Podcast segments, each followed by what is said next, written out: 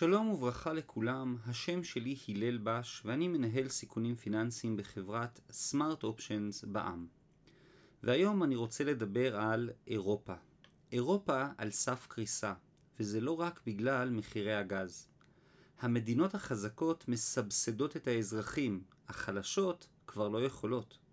בכל הגוש יש את אותה ריבית ואת אותן צרות, אינפלציה, גז, אבל הציבור במדינות החלשות ללא עזרה. זה יכול ליצור משבר פוליטי וכלכלי מחודש. פוטין בונה על זה. מדינות אירופה יוזמות תוכניות סיוע להתמודדות עם מחירי הגז הטבעי שרק עולים ועולים. מהם הסיכונים העיקריים של התוכניות הללו? האם הן יעזרו לנזקקים באירופה לצלוח את החורף הקר? ממש, אבל ממש לא בטוח. אירופה בבעיה כלכלית ממשית. היורו בשפל, האינפלציה גואה, מחירי הגז מאמירים, הצרכנים מהדקים חגורות ויוצאים להפגין ברחובות. נוכח המיתון הכלכלי המאיין, ממשלות אירופה לא יכולות להישאר אדישות ופוצחות בשורה של תוכניות סיוע ועזרה לאזרחים ולעסקים. אבל ייתכן ודווקא תוכניות אלו יאיצו את המשבר הכלכלי, המבני והפוליטי של האיחוד האירופי. המלחמה הכלכלית בין רוסיה למערב עלתה שלב בימים האחרונים, עם ההכרזה הרוסית כי היא סוגרת את השיבר ומפסיקה לספק גז טבעי לאירופה. כתוצאה מדינות אירופה מגדילות הוצאות בניסיון להגן על הצרכנים מפני מחירי האנרגיה המשתוללים.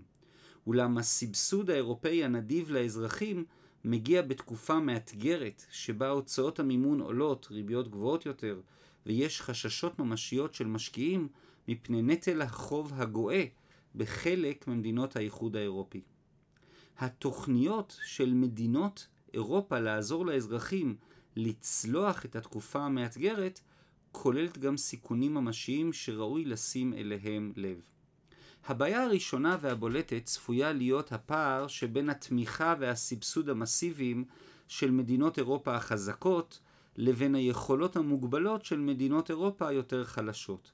בהיעדר תוכנית רחבה שתכלול את כל מדינות האיחוד האירופי, אנו צפויים לראות הבדלים ממשיים בין הסבסוד המסיבי שיקבלו עסקים ומשקי בית בגרמניה, לבין התמיכה המצומקת שיראו אזרחי איטליה או ספרד. העובדה שאזרחים שונים באותו גוש כלכלי מרכזי עם אותה מדיניות מוניטרית, ריבית, יקבלו מענה כל כך שונה, יכולה ליצור משבר פוליטי וכלכלי מחודש. רוסיה בונה על כך. מחירי הגז הטבעי שעולים במהירות וסבסוד לא אחיד בין מדינות האיחוד האירופי מייצרים חשש ממשי לחוסר יציבות פוליטית, שעלולה אפילו לערער את יציבות הגוש בכללותו.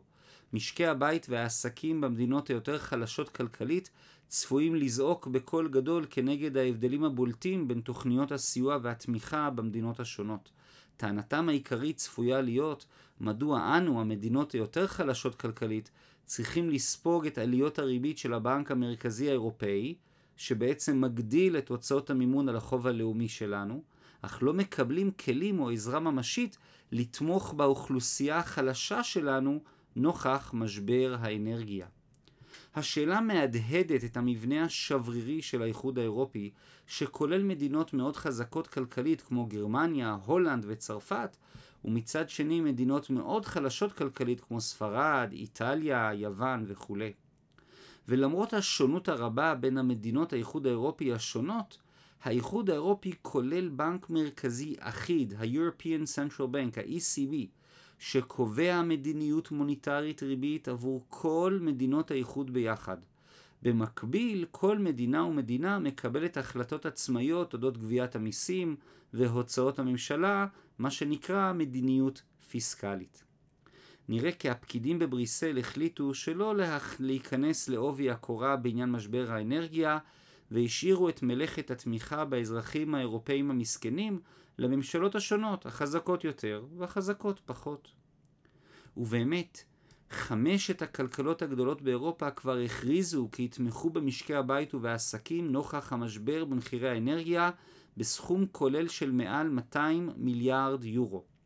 אמצעים אלו נועדו לנסות ולהבטיח כי אזרחי אירופה יוכלו להסיק ולחמם את ביתם ולצלוח את המשבר. במקביל הסבסוד יעבור, יעזור למגזר העסקי בגוש לעבור את התקופה המאתגרת ולא להגיע לפשיטות רגל המוניות. היינו, נוכח העלייה המהירה במחירי האנרגיה, ממשלות אירופה מנסות למתן במקצת את הנזק הכלכלי, ואולי גם לחזק את התמיכה הציבורית באוקראינה אל מול המלחמה הכלכלית המתפתחת עם רוסיה. ראוי לציין כי חלק מהאמצעים שהמדינות אירופה נוקטות נוכח משבר האנרגיה כוללות הגבלות מחירים על מחירי הגז הטבעי והנגזרות האנרגטיות. אמצעים אלו יכולים אולי לעזור, לפחות בטווח הקצר, בצמצום עליות המחירים, האינפלציה הממשיות בגוש האירופי. אבל אל לנו להתעלם גם מהסיכונים שיש בכל התוכניות הללו. כבר ראינו שחוסר אחידות ביישום תוכניות הסבסוד במדינות השונות עלולה להוביל לחוסר יציבות פוליטית ושלטונית, ואולי אפילו להוביל לערעור יציבות הגוש האירופאי בכללותו. נוסיף כעת כי מבנה הסבסוד עלול לעודד צרכנים אירופאים רבים להמשיך ולצרוך גז טבעי לפחות כבכל שנה. היינו, הסבסוד עלול ליצור מצב שאין שינוי מהותי בהרגלי הצריכה של משקי הבית והעסקים ביחס לצריכת מוצרי האנרגיה המסובסדים. זוהי בעיה מובנית של סבסוד ישיר למוצר. כולם ממשיכים לצרוך באופן בזבזני מהמוצר המוזל באופן יחסי. שיטה זו שהגבלת מחירים הינה גם מאוד לא יעילה וגם מאוד לא נכונה. משפחה עשירה שיכולה בקלות לעמוד במחירי הגז הגבוהים החדשים, תשמח לקבל סבסוד נדיב ולצרוך יותר מהרגיל. כך חלק ניכר מהכסף של הסבסוד מועבר דווקא לבעלי האמצעים הכלכליים היותר מפותחים, היינו העשירים. אבל שיטה זו של הגבלת מחיר תפגע דווקא באלה שאין להם. שכן עליות המחירים הגבוהות מבטאות מוצר שנמצא כעת במחסור ממשי. יש עודף ביקוש ויש חוסר בהיצע, והדבר מוביל כמובן לעליות מחירים. אם הרגלי הצריכה, היינו צד הביקוש, לא משתנה באופן כללי, יש חשש אמיתי שלקראת אמצע או סוף החורף נראה מחסור ממשי בגז טבעי או במוצרי אנרגיה תחליפיים. זה כבר לא יהיה שאלה של מחיר, ייתכן ופשוט לא יהיה. אנשים ייאלצו להתמודד עם הקור האירופאי ללא אמצעי חימום נאותים.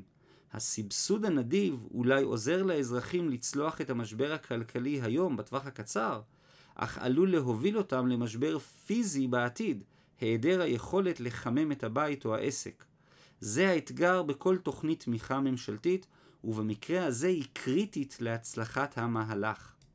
הסיכונים מצטלבים היטב, וייתכן ונראה פוליטיקאים מהמדינות הפחות חזקות כלכלית באירופה שואלים במהלך החורף, מדוע אנחנו קופאים מקור בגלל החלטות של מדינות אירופה אחרות? אלו סוג הטענות שמובילות לרוב לתהליכים פופוליסטיים חסרי אחריות, או חלילה למהפכות כואבות ולעיתים אלימות. אבל לא זו אף זו. תוכניות ההתמודדות הראשוניות עם משבר האנרגיה באירופה מעמיסות עוד נטל של חוב ציבורי ומגדילות את הגירעון התקציבי. כשיש פער ממשי בין ההכנסות ממיסים לבין הוצאות הממשלה הגבוהות יותר, נוצר גירעון תקציבי.